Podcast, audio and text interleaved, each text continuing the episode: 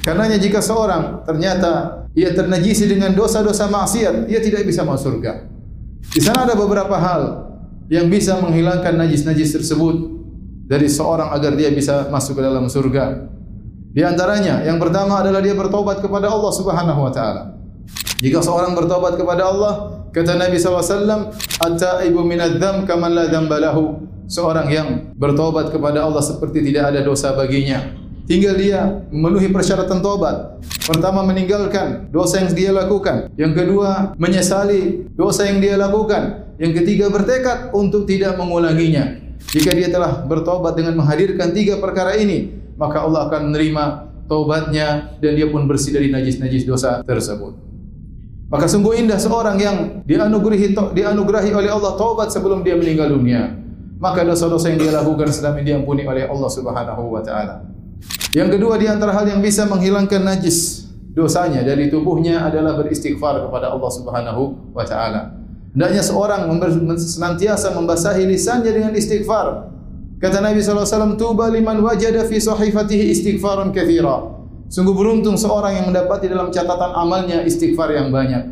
Karena dengan istighfar, dosa seorang diampuni oleh Allah Subhanahu wa taala. Semampu mungkin seorang untuk banyak beristighfar dimanapun dia berada. Sebisa mungkin dia beristighfar. Semakin banyak dia beristighfar, semakin dia beruntung pada hari kiamat kelak. Karena semakin banyak najis-najis dari dosa tubuhnya yang gugur di sisi Allah Subhanahu wa taala.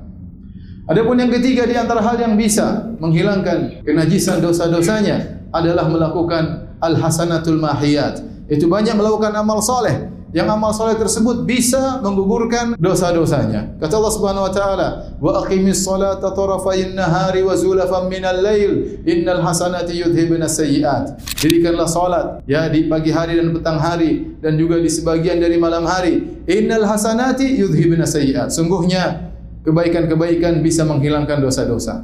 Oleh karenanya seorang yang senantiasa salat berjamaah, ya, maka ini adalah sebab besar untuk menghilangkan dosa-dosanya. Nabi SAW juga bersabda kepada seorang sahabat, Ittaqillah haithumma kunt wa atbi sayyi'atal hasanata tamhuha. Bertakwalah engkau kepada Allah dimanapun kau berada. Jika kau melakukan dosa, maka ikut sertakanlah dengan kebaikan, niscaya kebaikan tersebut akan menghapuskan dosamu. Maka seorang jika dia melakukan dosa, segera dia melakukan kebajikan. Semoga kebajikan yang dilakukan setelah dosa tersebut akan menghilangkan najis dosa yang baru dia lakukan.